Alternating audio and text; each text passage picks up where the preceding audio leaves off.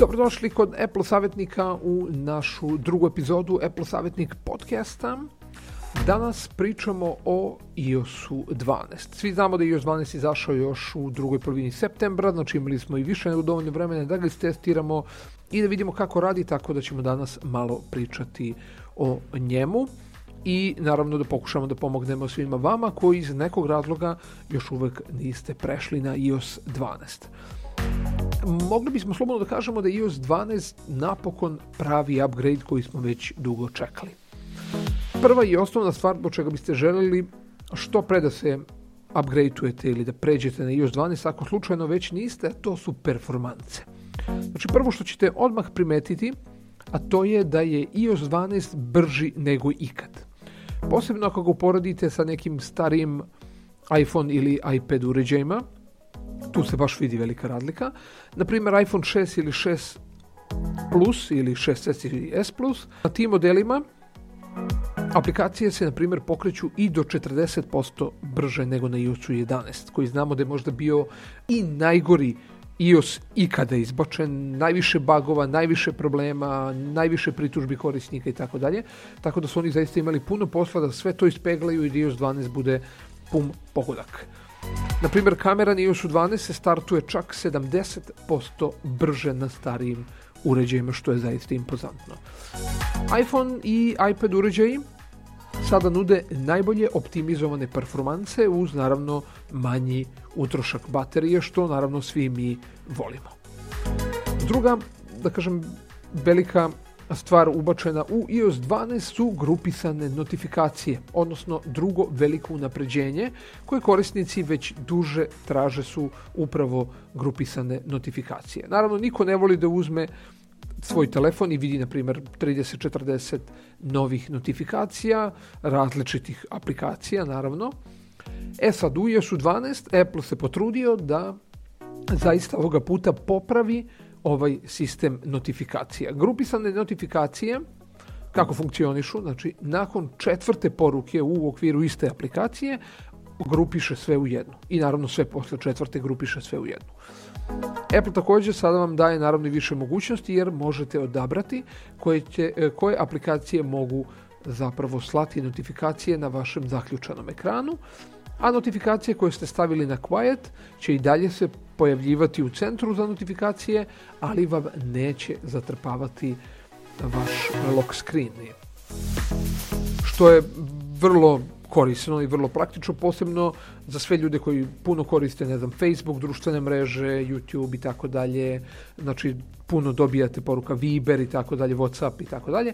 Znači sve vam to stiže, tako da će to biti jako lepo grupisano i mnogo je preglednije i mnogo lakše. Tako da je veliki, veliki plus i za ovu opciju. Sljedeća opcija koju su takođe najavljivali kao jako važnu je screen time baš kao i Google i Apple se trudi da pomogne korisnicima da održavaju balanci između tehnologije i naravno svog života. Nova opcija Screen Time vam dozvoljava da detaljno vidite i za samim tim i analizirate na šta vam dnevno najviše ode vremena kada koristite vaš uređaj ili ti mobilni telefon. Bilo da su to društvene mreže, da je YouTube, igrice ili nešto drugo. Znači, Screen Time takođe prati koje aplikacije vam šalju najviše notifikacija i na osnovu toga možete prilagoditi korišćenje vašeg telefona. Screen Time takođe ima opciju sinhronizacije i na više uređaja odjednom i tako možete pratiti sve ukupno vreme kao i da postavite naravno limit koliko sati u toku dana, na primjer, možete koristiti društvene mreže ili igrice i tako dalje, takođe vrlo korisna stvar. Treća opcija, možda i najmanje korisna da kažem, od svih ovih unapređenja je Mimoji ili ti vaš personalizovani emoji. Ja lično ne vidim baš da je ova nova opcija i bila neophodna, ali nakon Animojija sad su stigli Mimoji i opet naravno možete kreirati personalizovane avatare kako se zovu stručno koji mogu da izgledaju kao vi, da imaju vašu boju kose, vašu frizuru, boju očiju, a možete naravno birati i odeću. Sa novim iOSom 12, Mimoji i Animoji sada prate i mimiku vašeg lica, bolje nego ikad ako ćete naravno to koristiti. E sad, jedna nova aplikacija koja je vrlo, vrlo korisna, a to je Measure aplikacija. Znači ovo je jedna od verovatno i najkorisnijih novih aplikacija koje su vam stigle uz iOS 12, a ova aplikacija vam zaista može olakšati život. Integrisana je naravno u vaš iPhone uređaj kao ručni metar, a zahvaljujući augmentovanoj realnosti, kako se stručno zove, možete izmeriti bilo koji predmet u prostoru i zaista vam može olakšati kada nešto radite, majstorišete ili možda kupujete namještaj i tako dalje i pritom je vrlo precizna. Tako da vrlo je e, korisna i koristit ćete sigurno. Sljedeća opcija, naravno, je Fotos aplikacija. Fotos aplikacija u ISU 12 je pretrpela neke izmene i automatski e, sada nudi search sugestija. Naprimjer, For You je sada novi tab koji sugeriše filtere i efekte koje biste možda želeli da iskoristite. Slike sada takođe mogu da se dele lako i jednostavno, a prijatelji sada mogu u zajedničkim folderom da šeruju fotografije sa nekog događaja, rođendana, žurke ili slično. Može da bude korisno, ne znam koliko ćemo mi to koristiti, ja lično nisam to koristio, tako da ne znam, ali možda vama zatreba.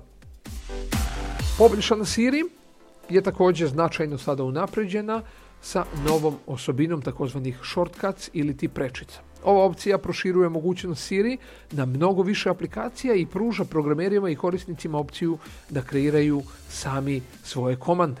Što može da bude vrlo korisno ako koristite Siri, ali moramo naglasiti da još uvek nema na našem jeziku, ja lično ne vjerujem da će u bliže budućnosti se to desiti, ali ako koristite Siri na engleskom ili nekom drugom jeziku, može da vam koristi. A za više komandi, korisnici naravno moraju da preuzmu aplikaciju e, Shortcuts iz App Store-a da bi kreirali vezu sa nekoliko prilagođenih akcija zajedno.